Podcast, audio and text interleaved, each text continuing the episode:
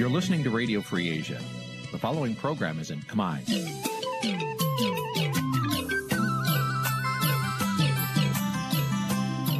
នេះជាកម្មវិធីផ្សាយ Vuthu Azizi Serai នេះជាកម្មវិធីផ្សាយរបស់ Vuthu Azizi Serai ជាភាសាខ្មែរ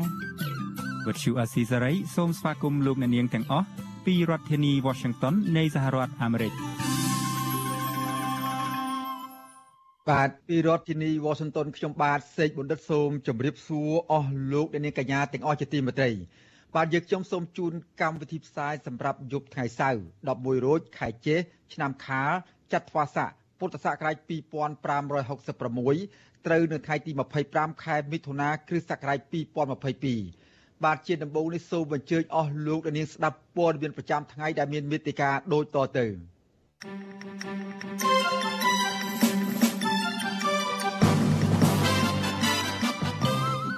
គោជបស្នើទៅគណៈបកនយោបាយនិងប្រជាពលរដ្ឋឲ្យរក្សាភាពស្ងប់ស្ងាត់ពេលប្រកាសលទ្ធផលឆ្នោតប្រជាពលរដ្ឋរស់នៅតំបន់ទន្លេបាទីទាមទារដល់រដ្ឋាភិបាលឲ្យលុបអនុក្រឹត្យស្តីពីការកាត់ដីបឹងទន្លេបាទីឲ្យបុគ្គលឯកជន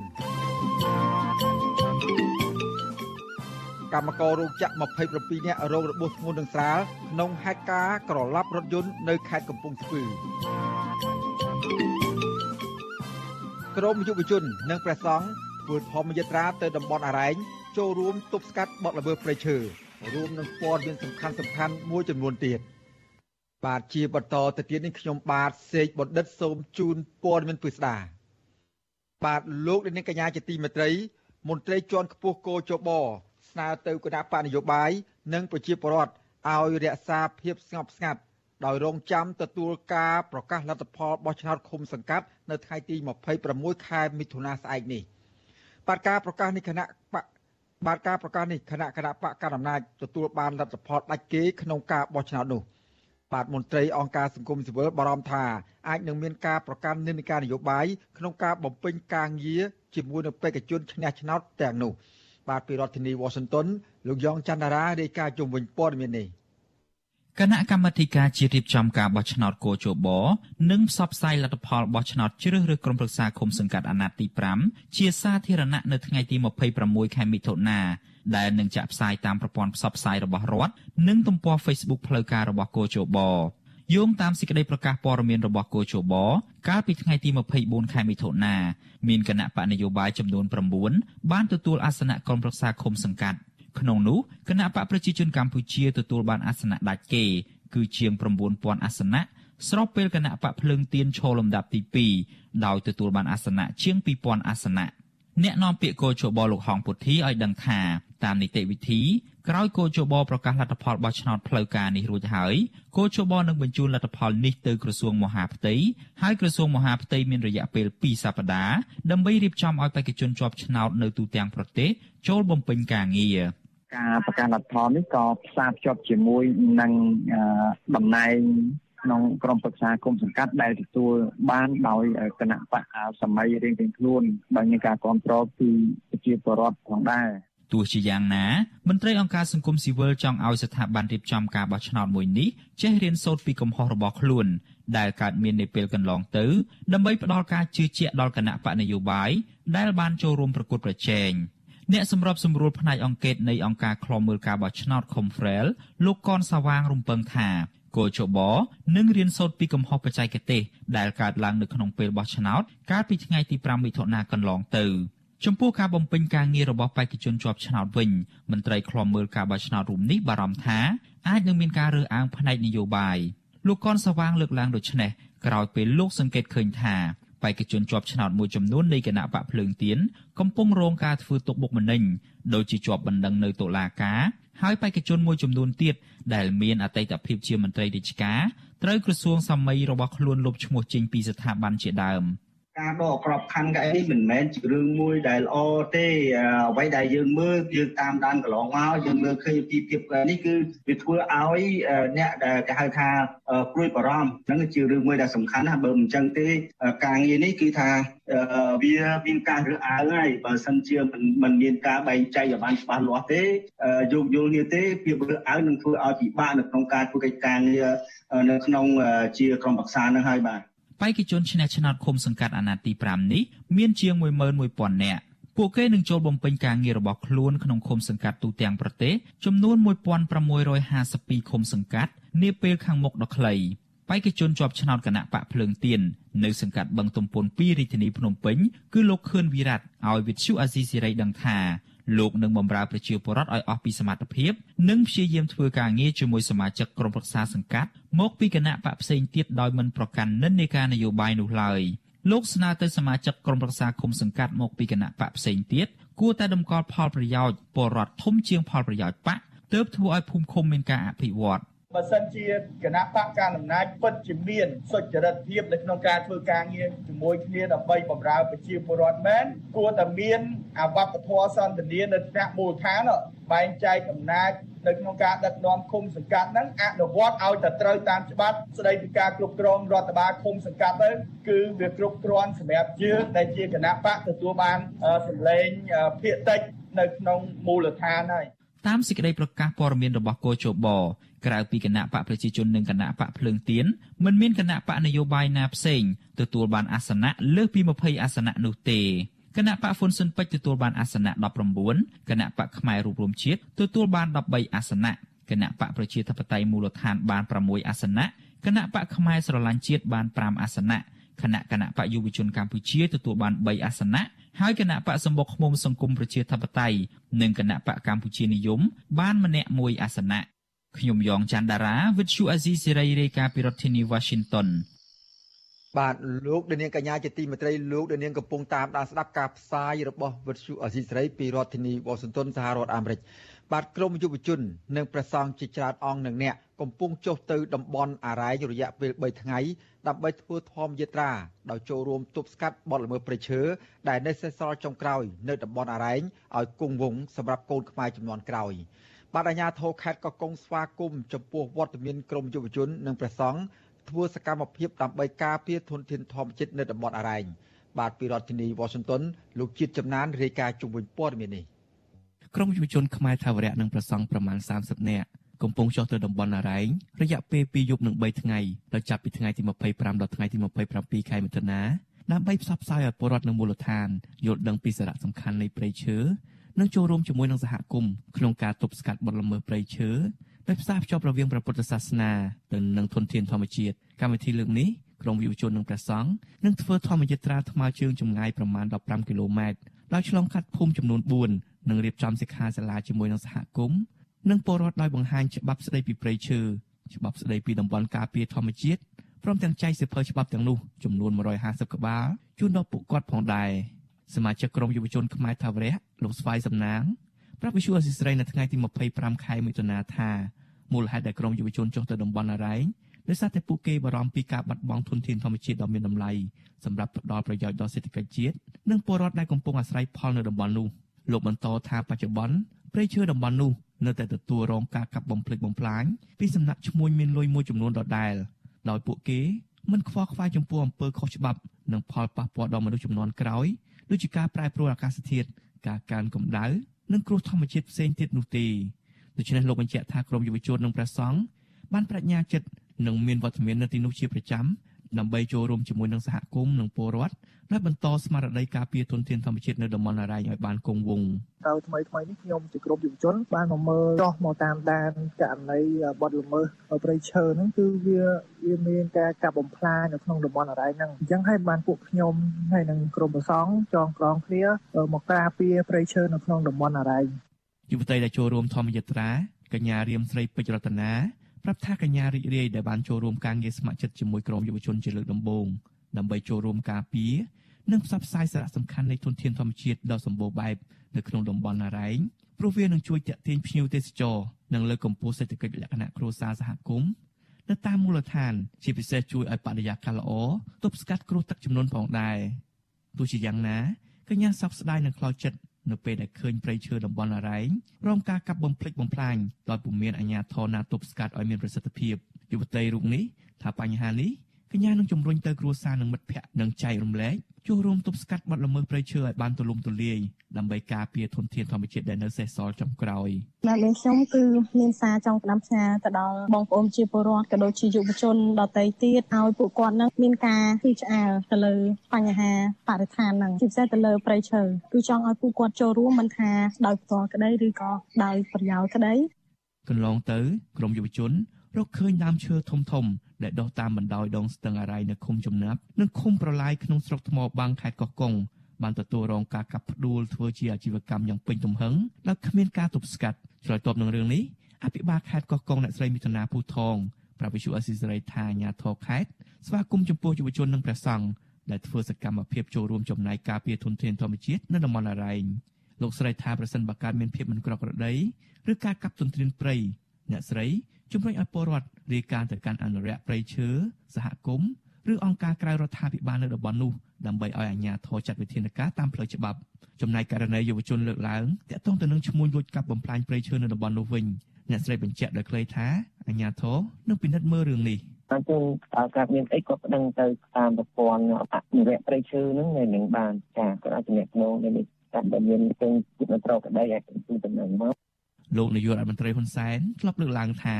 បំណងរបស់លោកចង់រក្សាតំបន់អរ៉ែងទុកឲ្យកូនខ្មែរចំនួនក្រោយជាអ្នកសម្រេចថាតើត្រូវធ្វើដូចម្តេចការលើកឡើងនេះស្របទៅនឹងអ្វីដែលក្រមយុវជនខ្មែរថាវរៈពលរដ្ឋនិងព្រះសង្ឃចង់រក្សាតំបន់ព្រៃភ្នំអរ៉ៃនេះឲ្យនៅគង់វង្សយូរអង្វែងព្រះសង្ឃនិមន្តចូលរួមធម្មយាត្រាបដិជគុណអ៊ុតគង់មានត្រដីកាថាព្រះអង្គបានរៀបចំស្លាកសរសេរជាទស្សនៈមួយចំនួន ដើម្បីដាក់បង្ហាញទៅកាន់ប្រជាពលរដ្ឋនៅតំបន់អរ៉ែងឲ្យយល់ដឹងពីសារៈសំខាន់ព្រៃឈើព្រមទាំងបង្ហាញពីការមិនអនុវត្តច្បាប់របស់អាជ្ញាធរមូលដ្ឋានជាដើមព្រះអង្គអំពាវនាវដល់ពលរដ្ឋខ្មែរទាំងអស់ឲ្យចូលរួមថែរក្សាតំបន់អរ៉ែងឲ្យបានគង់វង្សនិងសំណូមពរដល់អាជ្ញាធរពាក់ព័ន្ធចូលរួមសហការនិងការពារសវត្ថិភាពក្រុមយុវជនដែលធ្វើសកម្មភាពនៅតំបន់នោះដោយមិនមានការធ្វើទុកបុកម្នេញឬរារាំងដោយសារក្នុងការធ្វើធម្មយាត្រានេះអាត្មានឹងរៀបចំជាផ្លាឬក៏ជាទស្សនៈ បីលើកបង្ហាញឲ្យប្រជាពលរដ្ឋនៅតំបន់ហ្នឹងបានឃើញហើយយល់ដឹងពីសារៈសំខាន់នៃប្រៃឈើ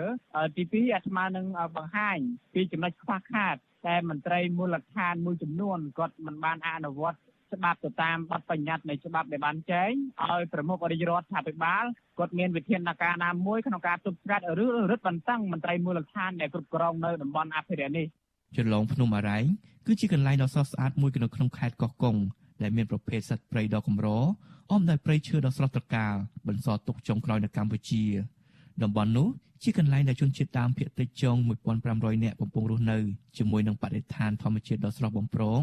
តាមបណ្ដោយជ្រលងភ្នំដែលមានសត្វព្រៃកម្ររស់នៅរួមមានសត្វក្រពើភ្នំត្រីនាគដំរីធំធំជាដើមបច្ចុប្បន្នដើមកគីនិងដើមឈើទាលជាដើមដែលដុះតាមបណ្ដោយដងស្ទឹងអរ៉ែងដែលជាអត្តសញ្ញាណប្រពៃណីជនជាតិដើមភាគតិច កំពុងប្រឈមការបាត់បង់ទាំងស្រុងខ្ញុំបាទជាចំណាន Visual Assisray ប្រធានាទី Washington បាទលោកនាងកញ្ញាជាទីមេត្រីក្រមអាជីវករលក់ដូរនៅរមណីយដ្ឋានទូលេបាទីខេត្តតាកែវសម្ដែងក្តីព្រួយបារម្ភអំពីការបណ្តេញចេញក្រោយពីលោកនាយករដ្ឋមន្ត្រីហ៊ុនសែនបានចេញអនុក្រឹត្យកាត់ជ្រឿដីជាង200ហិកតាផ្ដល់ទៅឲ្យបុគ្គលឯកជន។ បាទប្រធានបាទប្រជាពលរដ្ឋនិងអ្នកលក់ដូរនៅតំបន់ទលេបាទីទាមទារដល់ប្រមុខរដ្ឋាភិបាលឲ្យលុបចោលអនុក្រឹត្យនេះដើម្បីរក្សាការពារបរិស្ថានធនធានធម្មជាតិនិងការពារតំបន់ដែលពោពេញទៅដោយសក្តានុពលផ្នែកវិស័យទេសចរ បាទលោកលាននឹងបានស្ដាប់សេចក្តីរាយការណ៍ពិស្ដារអំពីរឿងនេះនៅពេលបន្តិចទៀតហើយនៅក្រៅសេចក្តីរាយការណ៍នេះដែរយើងនឹងបានអញ្ជើញប្រធានសកម្មជនបរិស្ថាននិងជាប្រធានផ្នែកស្រាវជ្រាវតស៊ូមតិនៃបណ្ដាញយុវជនកម្ពុជាហៅកាត់ថា YC CYN លោកហេងកំហុងដើម្បីមកលោកផ្ដល់មតិនិងយោបល់មួយចំនួនពីផលប៉ះពាល់នៃការវិនិយោគដោយសារការលុបបឹងលុបទន្លេនេះបាទសូមលោកនាងរងចាំស្ដាប់សេចក្តីការណ៍និងបទសម្ភាសន៍ជុំវិញបញ្ហានេះនាពេលបន្តិចទៀតនេះបាទសូមអរគុណ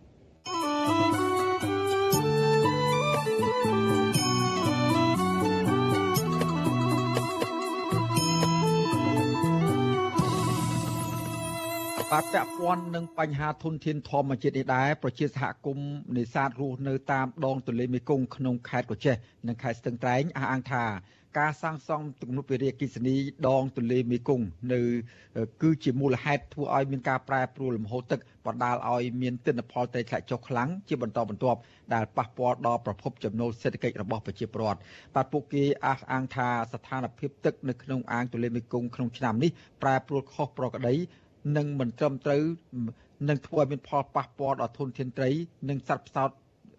នៅទីនោះទៀតថែមទៀតផងក៏ប៉ុន្តែការធ្វើកសិកម្មរបស់ប្រជាពលរដ្ឋនៅតាមដងចលោទន្លេមេគង្គក៏រងផលប៉ះពាល់អំពីបញ្ហានេះដែរបាទលោកលាននឹងបានស្ដាប់សេចក្តីរាយការណ៍ពិស្ដារអំពីរឿងនេះនាពេលបន្តិចទៀត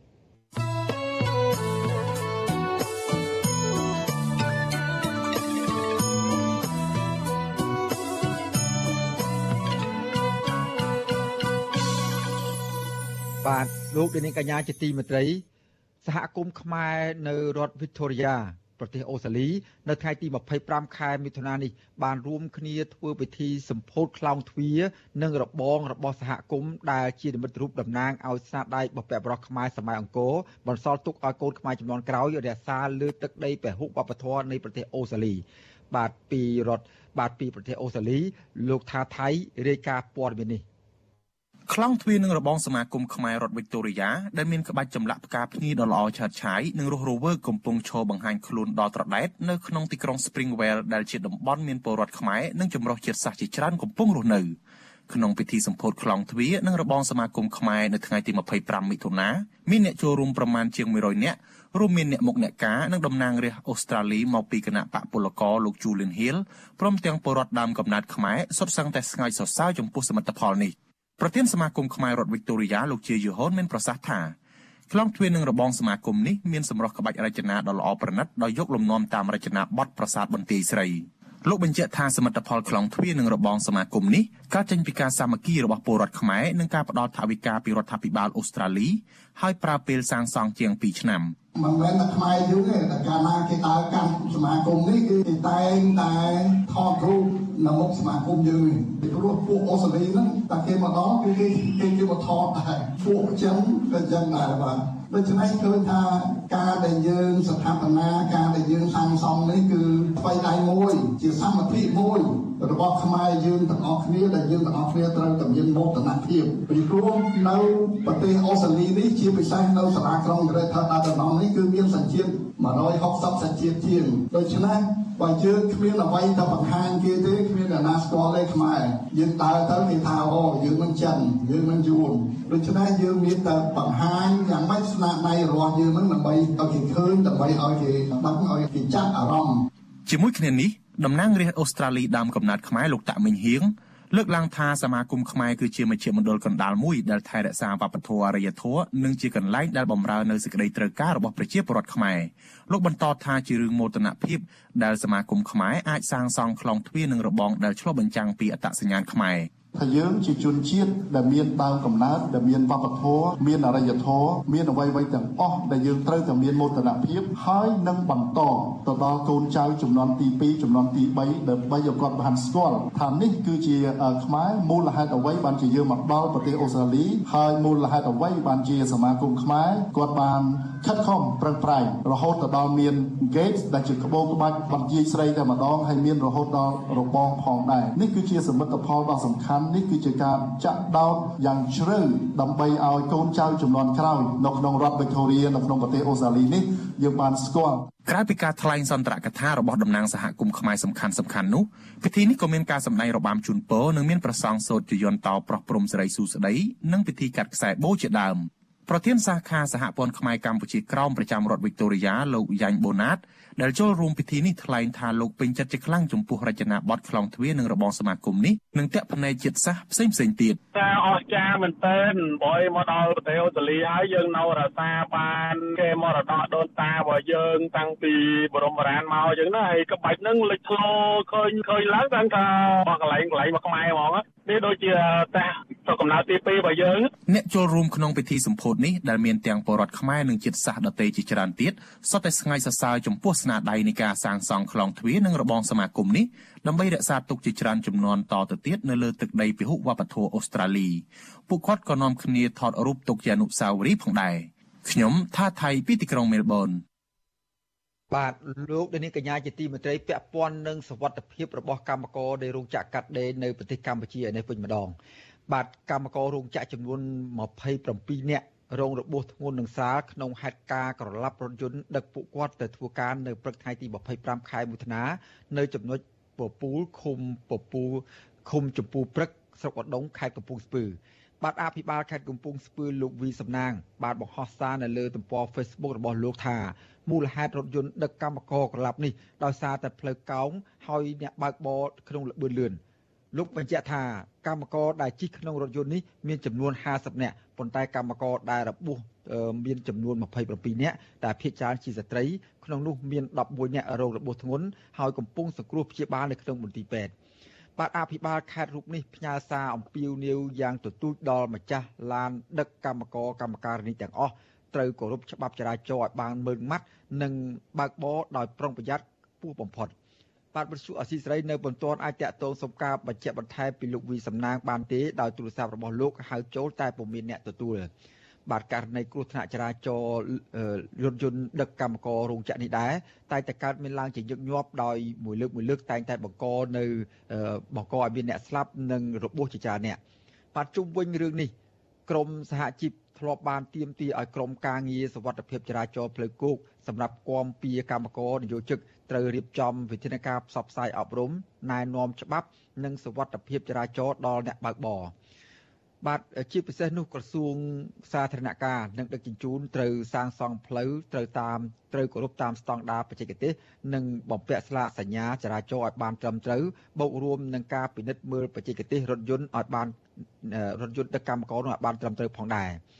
បាទរបាយការណ៍របស់ក្រមការងារសុខភាពចរាចរណ៍ផ្លូវគោកសម្រាប់ គាំពៀកម្មករនយោជិតនៃបេឡាចិត្តសន្តិសុខសង្គមឲ្យដឹងថាក្នុងឆ្នាំ2021គ្រោះថ្នាក់ចរាចរណ៍បានកើតឡើងលើកម្មករនយោជិតចំនួនជាង3000ករណីក្នុងនោះមានអ្នកស្លាប់ចំនួនជាង100ជាង100នាក់និងរបួសធ្ងន់ស្រាលជិត4000នាក់បាត់ករណីដែលបណ្ដាលឲ្យកម្មកររងគ្រោះទាំងឡើងឡានទាំងឡានកម្មករនិងសហជីពមើលឃើញថាដោយសារតែរដ្ឋាភិបាលនិងនយោជកខ្វះការយកចិត្តទុកដាក់ ទប់ស្កាត់និងគ្មានការកែតម្រង់ប្រព័ន្ធដឹកកម្មករ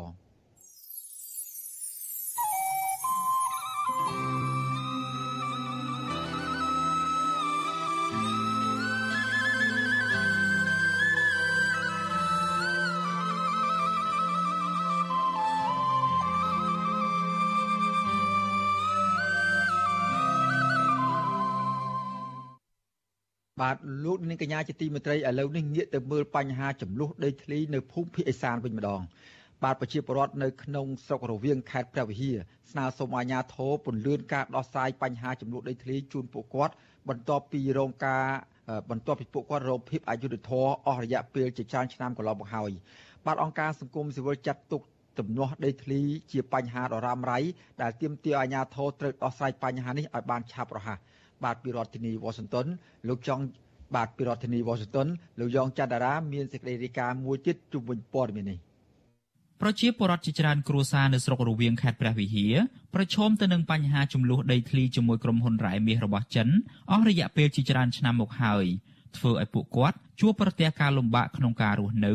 និងប្រកបរបរចិញ្ចឹមជីវិតប្រជាពលរដ្ឋរស់នៅក្នុងឃុំរមនីស្រុករវៀងខេត្តព្រះវិហារលោកស្រីលឹងហួរថ្លែងថា លោកស្រីកំពុងជួបប្រទះបញ្ហាជីវភាពរស់នៅ ដោយមិនមានដីសម្រាប់ធ្វើកសិកម្មតទៅទៀតទេ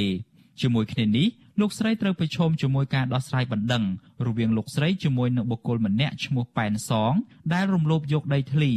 ដោយមានអភិបាលស្រុករវៀងជាអ្នកការពារផងនោះ ជាហេតុបណ្ដាលឲ្យលោកស្រីត្រូវបន្ថែមការចំណាយមួយកម្រិតទៀតទៅលើជីវភាពដែលកំពុងខ្វះខាតស្រាប់លោកស្រីស្នើសុំឲ្យអាជ្ញាធរ ជួយពន្លឿនការដោះស្រាយបណ្ដឹងដីធ្លីរបស់លោកស្រី ដែលបានកកស្ទះតាំងពីឆ្នាំ2021មកនេះឲ្យបានឆាប់រហ័សដើម្បីលោកស្រីបានបង្កបង្កើនផលចិញ្ចឹមជីវិតនៅលើដីនោះ អត់បានធ្វើអីទាំងអស់ឆ្នាំនេះវាធ្វើអស់រលីងទាំងដីចង្កាទាំងដីស្រែវាយូរយូរអស់រលកហើយនេះខ្ញុំចូលធ្វើអត់បានចូលវាដេញកាប់ដេញច្រាស់សាលាខេត្តក៏សាលាខេត្តគេពជាពីលហើយចាំបាក់មកពីពេញពីអីណាដឹងគេខ្ញុំចាំសងំពោឲ្យបញ្ចាប់ឲ្យឆាប់ឆាប់ងាលខ្ញុំចូលធ្វើស្រែនឹងខេម7នេះពលរដ្ឋម្នាក់ទៀតនៅក្នុងឃុំរមនីគឺលោកសេងហុងឲ្យដឹងដែរថាបញ្ហាទំនាស់ដីធ្លីជាមួយក្រុមហ៊ុនរ៉ែមាសដែលខំរបស់ចិនបានធ្វើឲ្យជីវភាពគ្រួសាររបស់លោកធ្លាក់ចុះដុនដាប រហូតដល់ថ្នាក់ខ្ចីលុយពីធនាគារលោកបន្តថាដីស្រែចម្ការរបស់លោកត្រូវបានក្រុមហ៊ុនមួយនេះធ្វើរបងពាត់យកធ្វើឲ្យលោកមិនអាចបង្កបង្កើនផលនៅលើដីនោះ ដែលធ្វើឲ្យលោកត្រូវបង្ខំចិត្តលក់ផ្ទះសងធនាគារទៀតផងលោកអំពាវនាវឲ្យអាជ្ញាធរដោះស្រាយបញ្ហានេះឲ្យបានឆាប់រហ័សនិងដោយភាពយុត្តិធម៌ដោយប្រកល់ដីឲ្យប្រជាពលរដ្ឋវិញដើម្បីឲ្យពួកគាត់បានដាំដុះនៅលើដីនោះ ខ្ញុំមកដីស្រែដីកំណោះជាមួយគេនោះក៏អត់បានទៅធ្វើទេអាជាប់ហ្នឹងក៏បានធ្វើដែរបាទខ្ញុំមើលវាធម្មតាដីដែលយើងខំទិញពីពីអ្នកភូមិមកយើងទ្រព្យសម្បត្តិរបស់ខ្លួនយើងយើងចង់បានទេណាសូមឲ្យអាជ្ញាធរជួយដោះស្រាយឲ្យពន្លឿនឲ្យគ្នាផងពួកអីគ្នាអត់មានដីបង្កបង្កើនផលតទៅទៀតទេវិទ្យុអាស៊ីសេរីនៅពុំទាន់អាចតាក់ទងអភិបាលស្រុករវៀងលោកហៅប៊ុនហួរបាននៅឡើយទេ នៅថ្ងៃទី25មិថុនា ចំណែកមេឃុំរមនីលោកខុតរីវិញលោកឲ្យដឹងថាអាជ្ញាធរមូលដ្ឋានបានដោះស្រាយបញ្ហាចំនួនដីធ្លីនេះជូនប្រជាពលរដ្ឋអស់ជាច្រើនមកហើយក៏ប៉ុន្តែលោកថាប្រជាពលរដ្ឋនិងភិក្ខីចំនួនផ្ទាល់គឺមិនបានសម្រុះសម្រួលគ្នាទៅតាមការដោះស្រាយរបស់អាជ្ញាធរនោះទេខ្ញុំវាហួសសមត្ថភាពដោះស្រាយវាដោះច្រើនលើកហើយវាដោះអត់ចេញដោយសារភាគីទាំងសងខាងគាត់មិនព្រមព្រៀងគ្នាដើម្បីសម្បទានឲ្យគ្នាទៅវិញទៅមក ជុំវិញរឿងនេះអ្នកនាំពាក្យសមាគមការពារសិទ្ធិមនុស្សអាត6លោកសឹងសែនករណាមានប្រសាសន៍ថាបញ្ហាចំនួនដីធ្លីរបស់ប្រជាពលរដ្ឋនៅស្រុករវៀងនេះកើតមានឡើងតាំងពីយូរយារណាស់មកហើយនិងមិនឃើញមានដំណោះស្រាយណាមួយជូនប្រជាពលរដ្ឋប្រកបដោយប្រសិទ្ធភាពនោះទេលោកបន្តថាបើបញ្ហានេះនៅតែបន្តមិនមានការដោះស្រាយណាមួយសមស្របនោះវានឹងធ្វើឲ្យប៉ះពាល់ដល់ជីវភាពរបស់ប្រជាពលរដ្ឋកាន់តែធ្ងន់ធ្ងរហើយជះផលអាក្រក់ទៅដល់សង្គមជាតិ យើងចង់ទទូចស្នើឲ្យអាជ្ញាធរពាក់ព័ន្ធទាំងអស់ទាំងនៅខាងខេត្តទាំងនៅខាងថ្នាក់ជាតិនឹងគួរតែមានការពិនិត្យមើលសំណុំរឿងរបស់ពួកគាត់ឡើងវិញដើម្បីរកដំណោះស្រាយជូនពួកគាត់ឲ្យបានទាន់ពេលវេលាដើម្បីពួកគាត់បានដីក្នុងការប្រើប្រាស់ប្រកបរបរចិញ្ចឹមជីវិតនិងគ្រួសាររបស់ពួកគាត់បើមិនដូច្នេះទេបញ្ហាហ្នឹងយើងមានការព្រួយបារម្ភថាវាជះឥទ្ធិពលដល់ជីវភាពពួកគាត់នឹងកាន់តែធ្លាក់ដុនដាបទៅរហូតមកទល់ពេលនេះ មានក្រុមហ៊ុនចំនួន3បានមករកស៊ីជីករ៉ែមាសនៅក្នុងស្រុករវៀងរួមមានក្រុមហ៊ុនសិនសានក្រុមហ៊ុន Delcom Cambodia និងក្រុមហ៊ុន Kim Chi Thun Group ក្រុមហ៊ុនទាំងនោះត្រូវបានគេស្គាល់ថាជាក្រុមហ៊ុនរបស់ចិននិងវៀតណាមដែលបានរំលោភយកដីធ្លីរបស់ប្រជាពលរដ្ឋតាមរយៈការទិញដីពីឈ្មួញដែលគេស្គាល់ថាជាអភិបាលស្រុករវៀងនិងបពពួក ក្រៅពីបញ្ហាដីធ្លីត្រូវបានកកស្ទះមិនមានការដោះស្រាយប្រជាពលរដ្ឋក៏កំពុងត្រូវបានរងការគំរាមកំហែងមិនឲ្យចូលទៅបង្កបង្កើនផល និងទាញប្រយោជន៍ពីដីរបស់ខ្លួនដែរព្រមទាំងមានការគំរាមដកហូតយកដីទាំងនោះទៀតផងកាលពីចុងឆ្នាំ2020ក្រុមហ៊ុនរ៉ែមាសទាំងនោះបានពង្រីកផ្ទៃដីធ្វើអាជីវកម្មរ៉ែមាសជាថ្មីដោយហុំព័ទ្ធដីបោះបង្គោលព្រំដីបំពេញយកដីស្រែចម្ការរាប់ពាន់ហិកតាបណ្ដាលឲ្យប៉ះពាល់ដល់អ្នកស្រុករាប់រយគ្រួសារ ក្រមប្រជាពលរដ្ឋព្យាយាមស្វែងរកកិច្ចអន្តរាគមន៍ស្ទើរតែគ្រប់ស្ថាប័ននិងសង្ឃឹមថាក្រោយការបោះឆ្នោតក្រុមប្រឹក្សាឃុំសង្កាត់រដ្ឋាភិបាលនឹងជួយរកយុត្តិធម៌ឲ្យពួកគាត់ក៏ប៉ុន្តែផ្ទុយទៅវិញបែរជាមិនមានដំណោះស្រាយណាមួយទេខណៈអាជ្ញាធរខ្លះនៅតែបន្តរំលោភយកដីធ្លីរបស់ពួកគាត់យកទៅលក់ឲ្យក្រុមហ៊ុន ដើម្បីពង្រីកផ្ទៃដីធ្វើអាជីវកម្មរ៉ែមាសរបស់ពួកគេទៀតផងខ្ញុំយ៉ងច័ន្ទដារាវិទ្យុអាស៊ីសេរីរាយការណ៍ពីរដ្ឋធានី Washington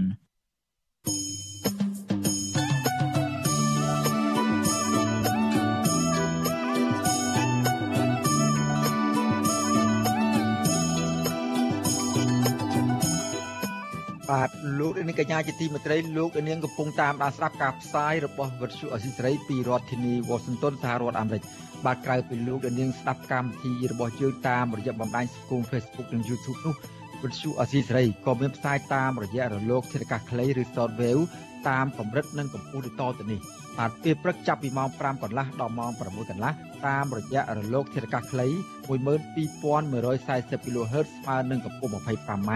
និង13715 kHz ស្មើនឹងកម្ពស់ 22m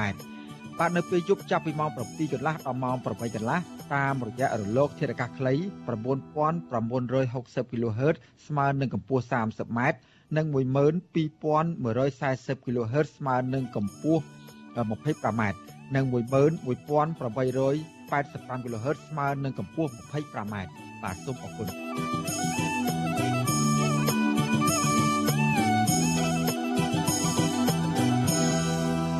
បាទលោកនាងកញ្ញាជាទីមេត្រីពាក់ព័ន្ធនឹងព័ត៌មានស្ដីអំពីការវិនិយោគនៅតំបន់បឹងទន្លេបាទីវិញម្ដង បាទក្រមអាជីវកររកស៊ីលក់ដូរនៅរមណីយដ្ឋានបឹងទន្លេបាទីខេត្តតាកែវសម្ដែងក្តីបារម្ភពីការបណ្តេញចេញក្រោយពីលោកនាយករដ្ឋមន្ត្រីហ៊ុនសែនបានចេញអនុក្រឹត្យកាត់ជ្រឿលដីជាង200ហិកតាផ្ដល់ទៅឲ្យបុគ្គលឯកជន បាទប្រជាពលរដ្ឋនិងអ្នកលក់ដូរនៅតំបន់ទន្លេបាទីទាមទារដល់ប្រមុខរដ្ឋាភិបាលឲ្យលុបចោលអនុក្រឹត្យនេះដើម្បីរក្សាការពារបរិស្ថានធនធានធម្មជាតិនិងការពារតំបន់ពោពេញទៅដោយសក្តានុពលផ្នែកវិស័យទេសចរបាទពីរដ្ឋធានីវ៉ាស៊ីនតោនអ្នកស្រីម៉ៅសុធីនីរាយការណ៍ជុំវិញព័ត៌មាននេះ ប្រជាប្រដ្ឋនិងក្រុមអាជីវករបម្រើផ្នែកសេវាកម្មភ្ញៀវទេសចរនៅតំបន់រមណីយដ្ឋានទន្លេបាទីខកចិត្តចំពោះលោកហ៊ុនសែនដែលកាត់ជ្រឿដីប្រមាណជាង200ហិកតាទៅឲ្យឯកជន ដែលធ្វើឲ្យពួកគាត់ប្រឈមការបាត់បង់ប្រាក់ចំណូល និងបណ្ដឹងចេញពីការប្រកបរបរអាជីវកម្មនៅតំបន់វប្បធម៌ប្រវត្តិសាស្ត្រ លើពីនេះក្រុមអាជីវករថាការធ្វើអនុប្រយោគផ្ទៃទន្លេបាទី ជាង200ហិកតាឲ្យបុគ្គលឯកជននេះគឺអាជ្ញាធរមូលដ្ឋាន បានធ្វើសំណើស្ងាត់ស្ងាត់ទៅរដ្ឋាភិបាល ដោយមិនអនុញ្ញាតឲ្យប្រជាពលរដ្ឋបានដឹង ក្នុងការចូលរួមបញ្ចេញយោបល់នៃផលប៉ះពាល់បរិស្ថាននិងតំបន់ផ្ទៃបឹងទន្លេបាទីនោះឡើយ អាជីវករលក់ដូរម្នាក់នៅតំបន់ទន្លេបាទី លោកត្រីសុងសោភារៀបរាប់ប្រាប់បច្ចុប្បន្នស៊ីស្រីនៅថ្ងៃទី25ខែមិថុនាថាកន្លងទៅអាជ្ញាធរតែងប្រាប់ប្រជាពលរដ្ឋថាតំបន់ទន្លេបាទីនឹងត្រូវស្ដារជំរៅផ្ទៃទឹកទន្លេ ដើម្បីពង្រីកសក្តានុពលទេសចរទោះយ៉ាងណាលោកស្រីថារយៈពេលប្រមាណឆ្នាំកន្លងមកនេះអាជ្ញាធរមិនបានស្ដារទឹកទន្លេនោះឡើយ។ ក្រៅពីនេះលោកស្រីថាផ្ទៃទឹកទន្លេបែរជាល្អក់កកកាន់តែខ្លាំងដោយសារតែមានបុគ្គលមានលុយមានអំណាចមួយចំនួនឆ្លៀតឱកាសចាក់បំពេញចូលផ្ទៃទឹកទន្លេធ្វើជាកម្មសិទ្ធិផ្ទាល់ខ្លួន បន្ថែមពីនេះលោកស្រីលើកឡើងថាក្រោយពីរដ្ឋាភិបាល បានសម្រេចកាត់ជ្រៀតដីទៅឯកជន គ្រប់គ្រងជាង200ហិកតាបន្ថែមទៀតនេះអាជីវករជាច្រើនមិនសប្បាយចិត្តនិងសម្ដែងក្តីព្រួយបារម្ភពីការបាត់បង់ប្រាក់ចំណូលនៅតំបន់ទន្លេបាទី លោកស្រីទទូចដល់រដ្ឋាភិបាលគួរតែមានការអភិរក្សនៅតំបន់ទន្លេបាទីនេះមិនគួរផ្ដល់សិទ្ធិឲ្យឯកជនគ្រប់គ្រង ដែលប្រឈមនឹងការចាក់ដីលុបទន្លេធ្វើឲ្យបាត់បង់អត្តសញ្ញាណនិងប៉ះពាល់ដល់ជីវភាពរស់នៅរបស់ប្រជាពលរដ្ឋបែបនេះឡើយ។ អនាគតនឹងលុបទន្លេហ្នឹងគឺពួកខ្ញុំគឺដាច់ពោះហ្មងទី1ធ្វើឲ្យទឹករីងទី2គឺត្រីពួកខ្ញុំរស់ដោយសារនឹងទាំងអស់បើសិនជាលុបអីពួកខ្ញុំនៅចប់ហើយពួកអីប្រជាជនពួកខ្ញុំហ្នឹងរស់ដោយសារទន្លេហ្នឹងទាំងអស់គ្នាលក់មហូបលក់អីគ្រប់សពគ្រប់យ៉ាងពួកខ្ញុំនឹងចែកគ្នារស់ដែរបង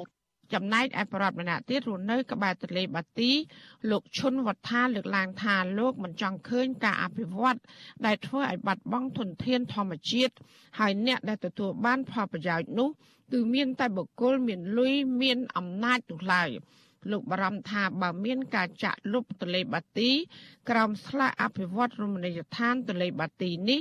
គឺនឹងបាត់បង់អត្តសញ្ញាណវប្បធម៌ប្រវត្តិសាស្ត្រហើយប្រជាប្រដ្ឋរាប់រយគ្រួសារនឹងកាន់តែមានជីវភាពក្រីក្រ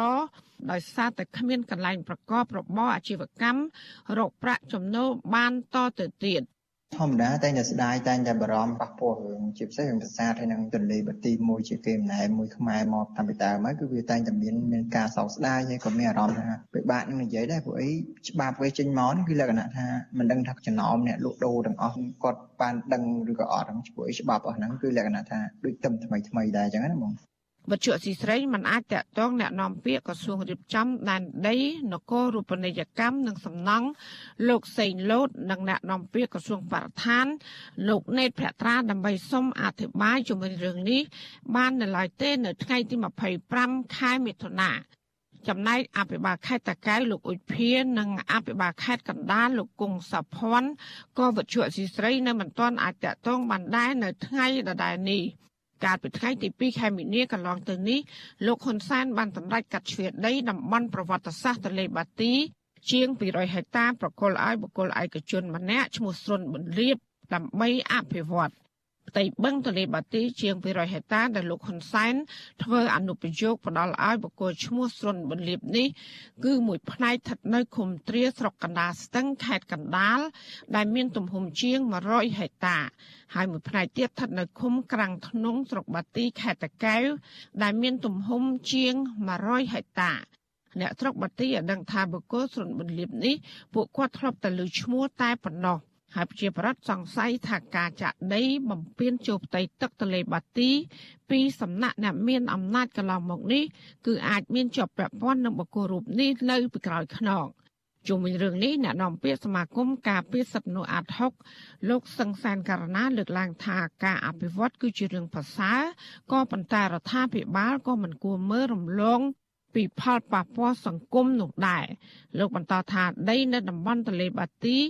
ដែលរដ្ឋាភិបាលបកគលសិទ្ធជាង200ហិកតាទៅឲ្យបុគ្គលឯកជនគ្រប់គ្រងនេះនឹងមានការប្រែប្រួលនៅរយៈពេលខ្លីខាងមុខ ទោះយ៉ាងណាលោកទទូចដល់រដ្ឋាភិបាល និងអាជ្ញាធរមូលដ្ឋាន ត្រូវតែមានការកិត្តគូតំបន់អភិរក្សនិងជីវភាពប្រជាប្រដ្ឋជាចម្បងព្រមទាំងអនុញ្ញាតឲ្យពួកគាត់ចូលរួមវិតម្លៃផលប៉ះពាល់ដើម្បីធានាតម្លាភាពនិងកណន័យភាព។ យើងក៏មិនចង់ឃើញដែរអំពីបញ្ហាដែលអភិវឌ្ឍឲ្យមិនគោរពតាមការលើកឡើងឬក៏ក្តីកង្វល់របស់ប្រជាពលរដ្ឋក៏ដូចជាអង្គការសង្គមស៊ីវិលយើងដែលធ្វើកិច្ចការងារទៅលើបញ្ហាដីធ្លីបញ្ហាបរិស្ថានឬក៏បញ្ហាសិទ្ធិមនុស្សផ្សេងទៀតហ្នឹងគឺយើងមិនចង់ឃើញបើសិនជាអាចធ្វើទៅបាននោះយើងទទូចស្នើសុំឲ្យមានការទុកតំបន់ដែលជាប្រវត្តិសាស្ត្រកន្លែងដែលកំសាន្តជាប្រវត្តិសាស្ត្រទៅហើយជាវប្បធម៌ទៅហើយចឹងយើងមានការព្រួយបារម្ភអាចនឹងមានបញ្ហាកើតឡើងផ្សេងផ្សេងនៅក្នុងតំបន់ រដ្ឋាភិបាលលោកហ៊ុនសែនរងការរិះគន់ជាបន្តបន្ទាប់តាក់ទងនឹងការកាត់ដីសាធារណៈរបស់រដ្ឋនិងដីតំបន់សម្បូរធនធានធម្មជាតិធ្វើអនុប្រយោគផ្ដោះសិទ្ធិឲ្យបុគ្គលឯកជន ហើយដែលសកម្មជនបរិស្ថាននិងសង្គមស៊ីវិលមើលឃើញថា គឺគ្មានដំណាភាព និងកណន័យភាព លើពីនេះតំបន់ដីបឹងទន្លេឆ្នេរសមុទ្រដែលលោកហ៊ុនសែនធ្វើអនុប្រយោគប្រកួតសិទ្ធិគ្រប់គ្រងគឺភាគច្រើនតើឲ្យក្រុមគូសាកូនចៅរបស់លោក និងក្រុមអង្គការឈ្មួញក្រាក់ក្រាក់ព្រមទាំងក្រុមហ៊ុនឯកជនដែលផ្ដល់ផលប្រយោជន៍ឲ្យលោក ដើម្បីឲ្យអ្នកទាំងនោះចាក់ដីលុបតំបន់ធនធានធម្មជាតិដើម្បីសាងសង់ជាអគារវិឡាខុនដូផ្ទះល្វែងសម្រាប់ធ្វើអាជីវកម្មឯកជនដូចជានៅតំបន់បឹងតាមុកជាដើមប្រជាប្រដ្ឋនិងសង្គមស៊ីវិលព្រួយបារម្ភ ថាបើអាជ្ញាធរនៅតែព្យាយាមបិទបាំងព័ត៌មាន ពីគម្រោងអភិវឌ្ឍទន្លេបាទីវាសនាតំបន់អភិរក្សនៃផ្ទៃទន្លេបាទីនេះក៏មិនខុសពីតំបន់បឹងតាមុកដែលត្រូវបានឈ្មួញអ្នកមានលុយអ្នកមានអំណាច បង្កើតទីក្រុងរណបទំនើបគ្រប់គ្រងធ្វើអាជីវកម្មផ្ដាច់មុខចាននាងខ្ញុំម៉ៃសុធានីវិទ្យុអាស៊ីស្រីប្រធានាធិបតី Washington បាទលោកដានីកញ្ញាជាទីមេត្រីលោកដានីកំពុងតាមដានស្រាប់ការផ្សាយរបស់វិទ្យុអេស៊ីសេរីពីរដ្ឋធានីវ៉ាស៊ីនតោនសហរដ្ឋអាមេរិកបាទពាក់ព័ន្ធនឹងព័ត៌មានដែលរដ្ឋាភិបាលចេញអនុក្រឹត្យ ផ្ដល់ទៅឲ្យក្រុមហ៊ុនឯកជនវិនិយោគនៅក្នុងតំបន់ទន្លេបាទីនេះធ្វើឲ្យមានការព្រួយបារម្ភជាខ្លាំងពីសំណាក់ប្រជាពលរដ្ឋនិងសកម្មជនបរិស្ថានឥឡូវនេះយើងបានអញ្ជើញលោកហេងកំហុងដែលជាសកម្មជនបរិស្ថាននិងជាប្រធានផ្នែកស្រាវជ្រាវតស៊ូមតិនៃបណ្ដាញយុវជនកម្ពុជាហៅកាត់ថា CVN ដើម្បីឲ្យលោកមកមានការចាប់អារម្មណ៍ជុំវិញព័ត៌មានចុងក្រោយអំពីការវិនិយោគនៅតំបន់ទន្លេបាទីនេះថាតើវានឹងផ្ដល់ ឥទ្ធិពលនឹងជះផលវិជ្ជមានឬក៏អវិជ្ជមានយ៉ាងម៉េចខ្លះជំវិញការវិនិយោគជំវិញផលប៉ះពាល់បរិស្ថាននិងប៉ះពាល់ទៅដល់គេដំណើរនៃសម្បត្តិធម្មជាតិសម្រាប់តំបន់ទេសចរដែលធ្លាប់មានការអាស្រ័យផលមានការចូលចិត្តពីប្រជាពលរដ្ឋជាច្រើនចំនួនមកហើយនោះបាទឥឡូវនេះខ្ញុំបានឃើញលោកហេកកំហុងចូលនៅក្នុងការផ្សាយកម្មវិធីផ្សាយរបស់យើងខ្ញុំហើយសម្បត្តិសូមខ្ញុំបាទសូមជម្រាបសួរលោកហេកកំហុងពីចម្ងាយបាទ បាទសូមជម្រាបសួរលោកបណ្ឌិតហើយជម្រាបសួរដល់បងប្អូនប្រជាប្រដ្ឋខ្មែរដែលកំពុងតែទស្សនាការផ្សាយផ្ទាល់កម្មវិធីវិទ្យុអស៊ីសេរីបាទបាទអរគុណកំហុងអឺដូចកំហុងបានស្ដាប់សេចក្តីរាយការណ៍របស់អ្នកស្រីម៉ៅសុធីរីអបាញ់មីនេះហើយគឺថាប្រជាពលរដ្ឋរស់នៅតំបន់ជុំវិញទន្លេបាទីនោះមានក្តីព្រួយបារម្ភខ្លាំងណាស់ក្រោយពីពួកគាត់បានទទួលដំណឹងថាមានការវិនិយោគតំបន់នោះទៅឲ្យក្រុមហ៊ុនឯកជនរកស៊ី ធ្វើជាសំណង់ឬមួយក៏ធ្វើអ្វីមួយមិនទាន់ដឹងថាប្រកាសប្រជាថាយ៉ាងណានៅឡើយទេក៏ប៉ុន្តែគ្រប់ប្រជាពលរដ្ឋដែលទទួលបានព័ត៌មានថាការមានការអភិវឌ្ឍនៅក្នុងតំបន់ដែលមានបឹងមានទន្លេនោះគឺជៀសបំផុតនឹងការចាក់លុបបឹងឬក៏លុបដៃទន្លេនោះទេចំពោះការ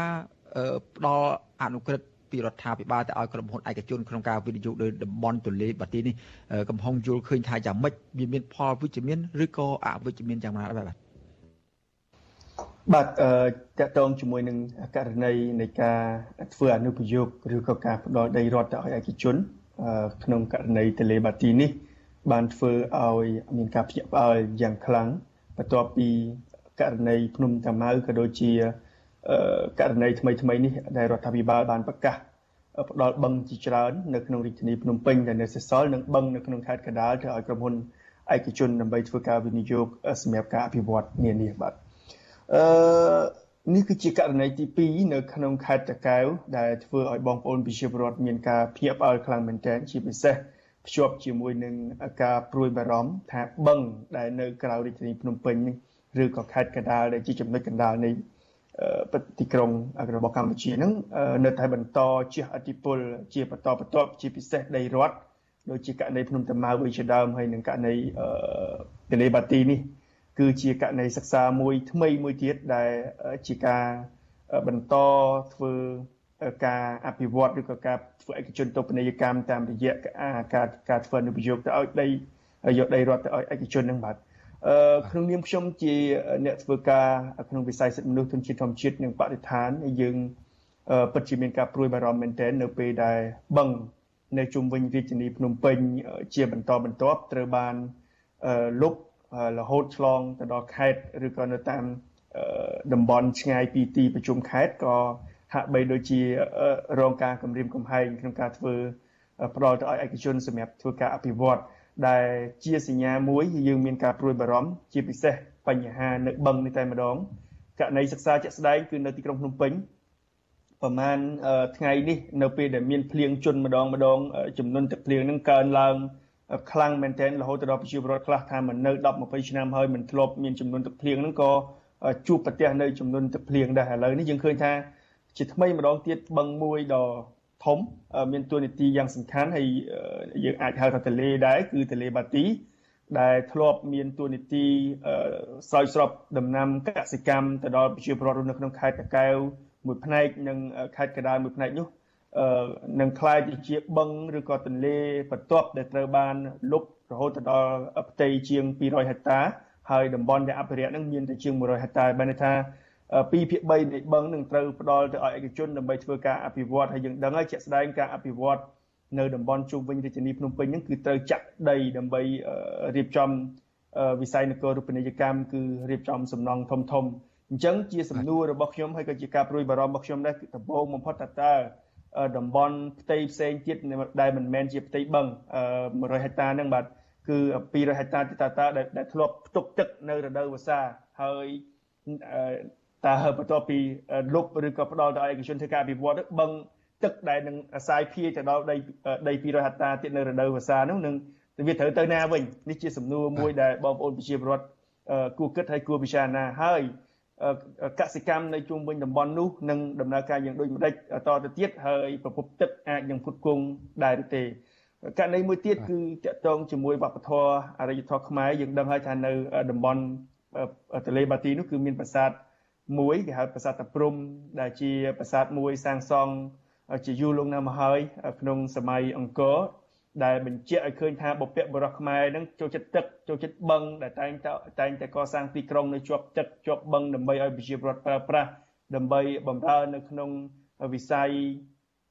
រៀបចំទីក្រុងកសិកម្មផងដែរហើយក្នុងនោះយើងមានជំនឿមួយថាទឹកគឺជាទីដ៏ត្រជាក់ត្រជុំសម្រាប់ពលរដ្ឋខ្មែរហើយឥឡូវហ្នឹងខ្ញុំគិតថា តើទលេប្រាសាទតាព្រំនេះនឹងអាចមានវាសនាយ៉ាងដូចម្ដេចក្រោយពីលុបផ្ទៃខ្លះនៃបឹងឬក៏អភិវឌ្ឍផ្ទៃខ្លះនៃបឹងនេះជាការព្រួយបារម្ភមួយទៀតជាការព្រួយបារម្ភរបស់ខ្ញុំមួយទៀតប្រជាពលរដ្ឋដែលធ្លាប់អាស្រ័យផលនៅក្នុងបឹងឬក៏ទន្លេបាទីហ្នឹងតើគាត់នឹងត្រូវធ្វើដូចម្ដេចបន្ទាប់ពីកន្លែងដែលគាត់បានអាស្រ័យផលទាំងការធ្វើកសិកម្មស្រូវបដែតទឹកឬក៏ទាំងការនេសាទ បន្ទាប់ពីតំបន់ទាំងអស់នោះត្រូវបានចាក់ឬក៏ផ្ដល់ទៅឲ្យឯកជនណាតើគាត់នឹងរកអីផ្សេងមកជំនួសមុខរបររបស់គាត់យ៉ាងដូចម្ដេចបើការអភិវឌ្ឍឬក៏ការទទួលការធ្វើសាមគេហៅថាធ្វើអនុប្រយោគដោយមានការភ្ញាក់ផ្អើលសូម្បីតែពលរដ្ឋក៏លោកមិនបានដឹងជាមុនបែបនេះបាទបាទអរគុណកំហុងអឺ ពាក់ព័ន្ធនឹងក្តីកង្វល់របស់ប្រជាពលរដ្ឋអំពីផែនការវិនិយោគនៅតំបន់ទលេបាទីនេះដែរវិទ្យុអស៊ីសេរីបានព្យាយាមតាក់ទងទៅមន្ត្រីរដ្ឋាភិបាលនិងម្ចាស់ក្រុមហ៊ុនតំណាងម្ចាស់ក្រុមហ៊ុនផ្ទាល់ដែលទទួលបានសិទ្ធិវិនិយោគនៅតំបន់នោះដើម្បីចង់ដឹងថាតើការវិនិយោគនេះធ្វើបែបផែនយ៉ាងដូចម្ដេចបើយោងតាមកន្លងមកប្រជាពលរដ្ឋតែងតែដឹងហើយផ្នត់កំណត់របស់ពួកគាត់ថាកាលណាមានការ អភិវឌ្ឍនៅតំបន់បឹងអញ្ចឹងជិះមិនផុតពីការចាក់លុបទេដូចជាការចាក់លុបបឹងជើងឯកបឹងទំពុន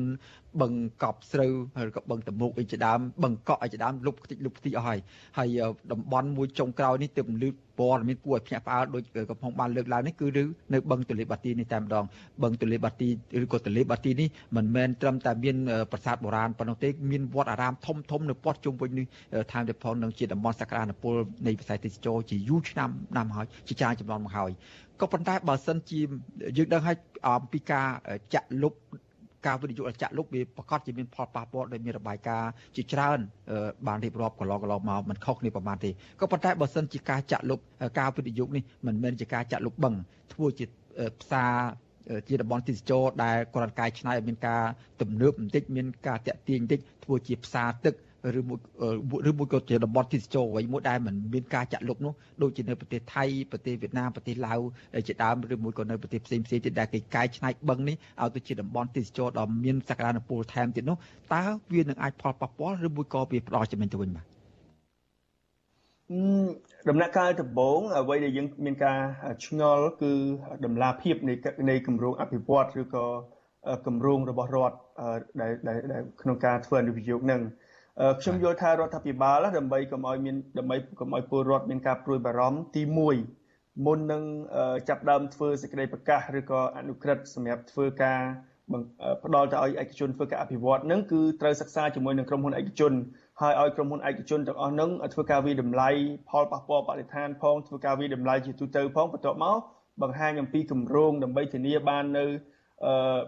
ព័ត៌មានពេញលេញទៅដល់ប្រជាពលរដ្ឋហើយនឹងដំណាភាពនៃការអភិវឌ្ឍដើម្បីកុំឲ្យពលរដ្ឋមានការបារម្ភ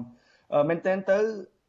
ជាការបារម្ភរបស់ពលរដ្ឋពីព្រោះអីយើងយោងតាមករណីសិក្សាដូចបានលើកឡើងពីខាងដើមអញ្ចឹងគឺមានការលុបបង្ផ្សេងផ្សេងឲ្យតែការអភិវឌ្ឍនឹងគឺភាគច្រើនគឺគឺលុបតែម្ដងដូច្នេះពលរដ្ឋលោកមានការបារម្ភប៉ុន្តែដើម្បីឆ្លើយតបជាមួយនឹងករណីហ្នឹងខ្ញុំគិតថានេះជាករណីថ្មីមួយទៀតដែលមិនខុសពីករណីមុនមុន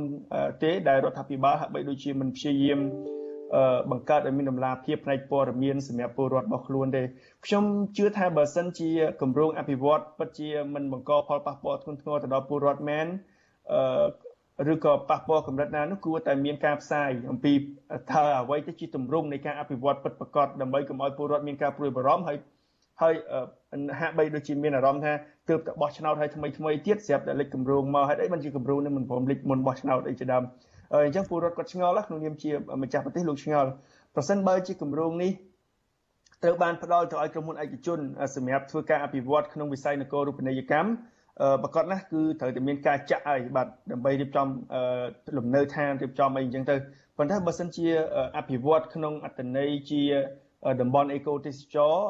វាក៏ជាផ្នែកមួយល្អប្រសើរដែរបើសិនជាទម្រង់បែបនេះមែនខ្ញុំក៏មានការសាទរដែរដើម្បីរៀបចំឲ្យមានភាពច្បាស់លាស់ឲ្យប្រជាពលរដ្ឋគាត់មានអាចចូលរួមទៅបម្រើការនៅទីនោះ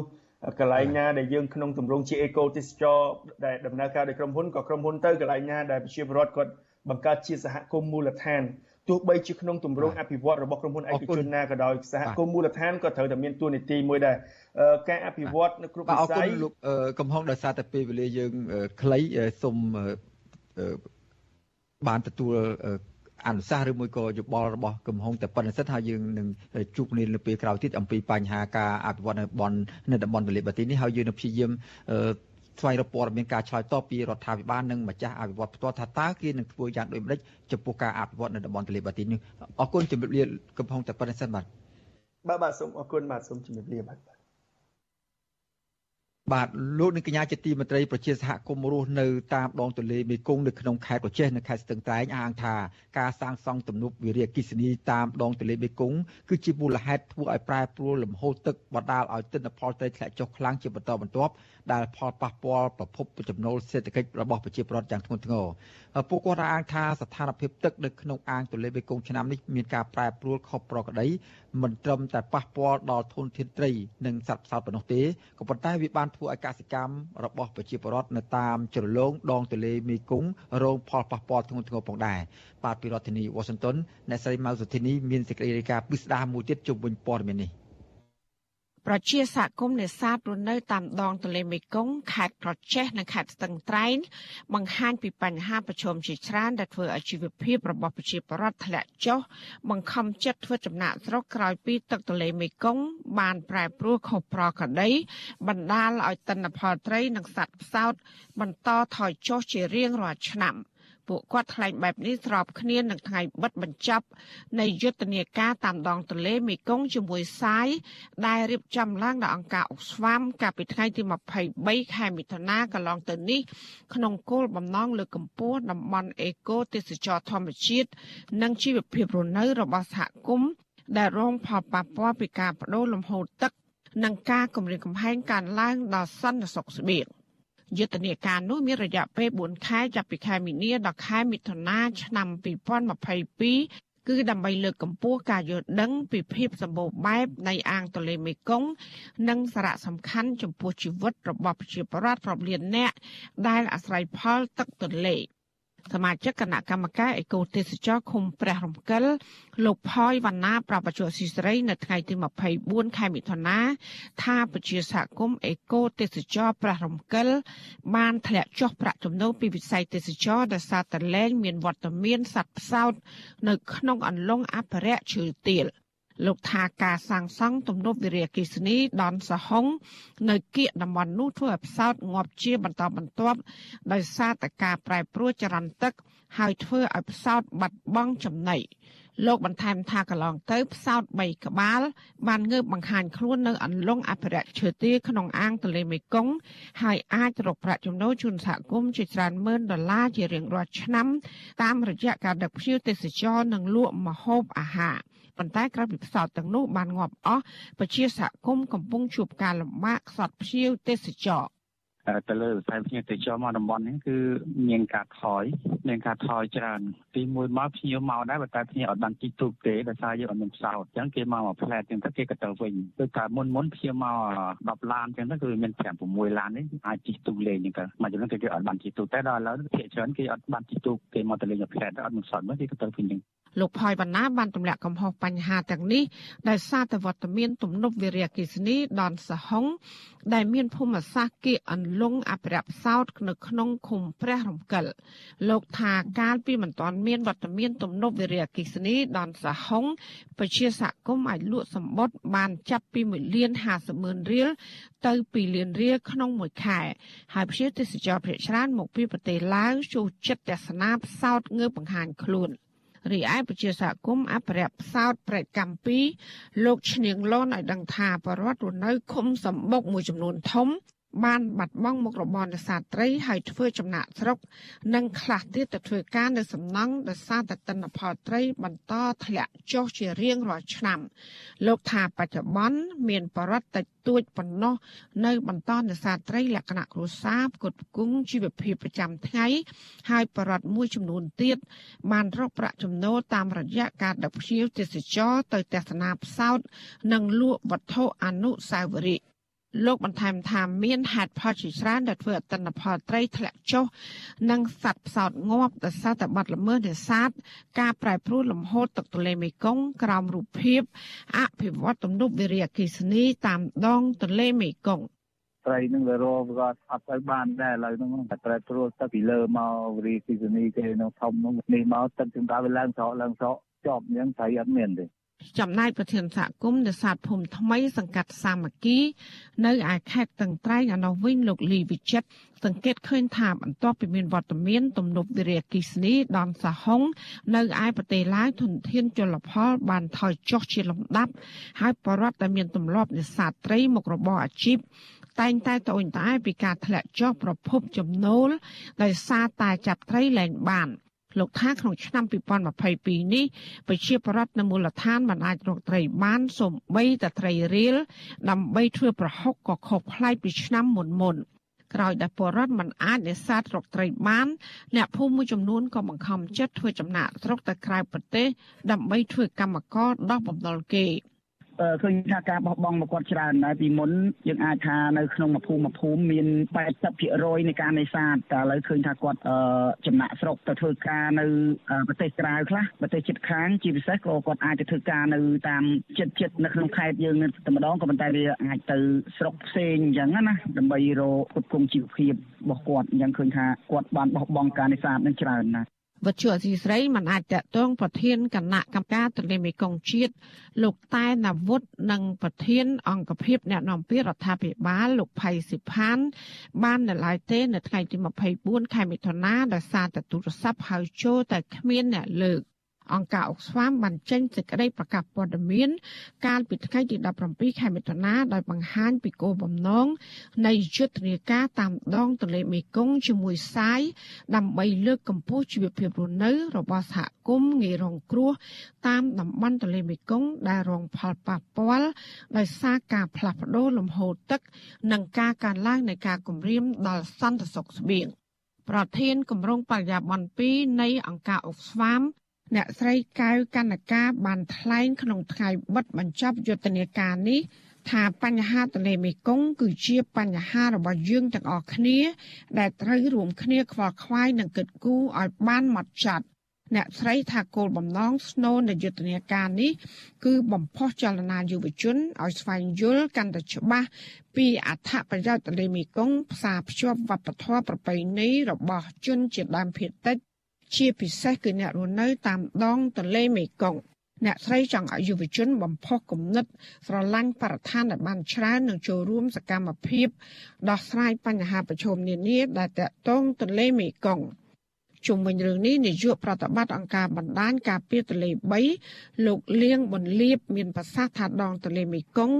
មានសក្តានុពលធនធានធម្មជាតិនិងជីវៈចម្រុះសម្បូរបែបគឺជាកាតព្វកិច្ចរបស់ប្រជាពលរដ្ឋនិងយុវជនចូលរួមថែរក្សាការពារ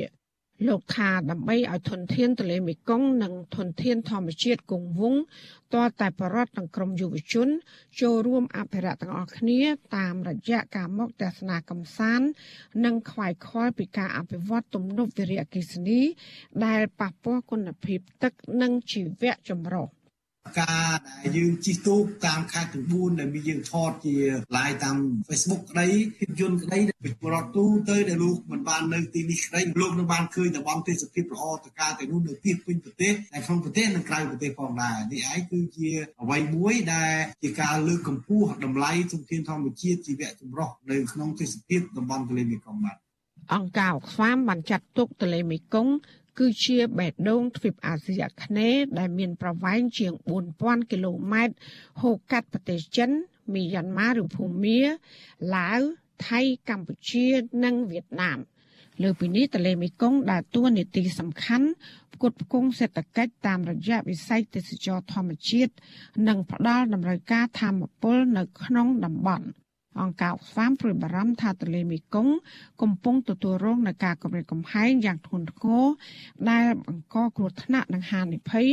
ដល់សហគមន៍ដែលមានប្រជាជនយ៉ាងហោចណាស់70លាននាក់កំពុងអាស្រ័យផលលើទឹកទន្លេនេះចាននាងខ្ញុំម៉ៅសុធានីវិទ្យុអាស៊ីសេរីប្រធានាធិបតី Washington បាទលោកនាងកញ្ញាជាទីមេត្រីលោកដែលនាងកំពុងតាមដានស្ដាប់ការផ្សាយរបស់វិទ្យុអស៊ីសេរីពីរដ្ឋធានីវ៉ាស៊ីនតោនសហរដ្ឋអាមេរិកបាទពាក់ព័ន្ធនឹងសកម្មជនរបស់គណៈបកប្រឆាំងវិញម្ដងភរិយារបស់លោកលីសុខុនដែលជាសកម្មជនគណៈបកភ្លើងទៀនព្រួយបារម្ភចំពោះសុខភាពប្តីក្រោយជាប់ពន្ធនាគារដោយអយុត្តិធម៌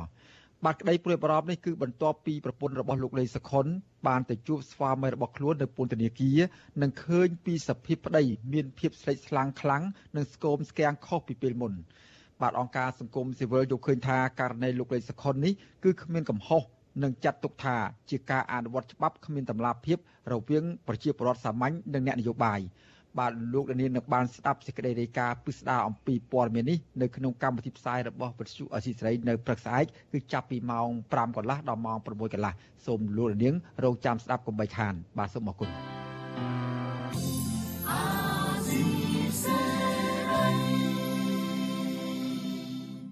បាទលោកនាងកញ្ញាជាទីមេត្រីការផ្សាយរបស់វិទ្យុអេស៊ីស្រីសម្រាប់សម្រាប់រាត្រីនេះបានចូលដល់ទីបញ្ចប់ហើយ បាទសូម អស់លោកនាងរងចាំស្ដាប់ការផ្សាយរបស់យើងខ្ញុំនៅព្រឹកស្អែកជាបន្តទៀតដែលចាប់ដែលផ្សាយចាប់ពីម៉ោង5កន្លះដល់ម៉ោង6កន្លះព្រឹកតាមរយៈរលកធាតុអាកាសខ្លី12140 kHz និងកម្ពស់25ស្មើនឹងកម្ពស់ 25m និង13715 kHz ស្មើនឹងកម្ពស់ 22m នេះគឺការ នេះជាការផ្សាយតាមរយៈរលកធាតុអាកាសខ្លីហើយក្រៅពីនេះលោកលានក៏អាចស្ដាប់ការផ្សាយរបស់យើងខ្ញុំតាមរយៈបណ្ដាញសង្គម Facebook មាន YouTube និង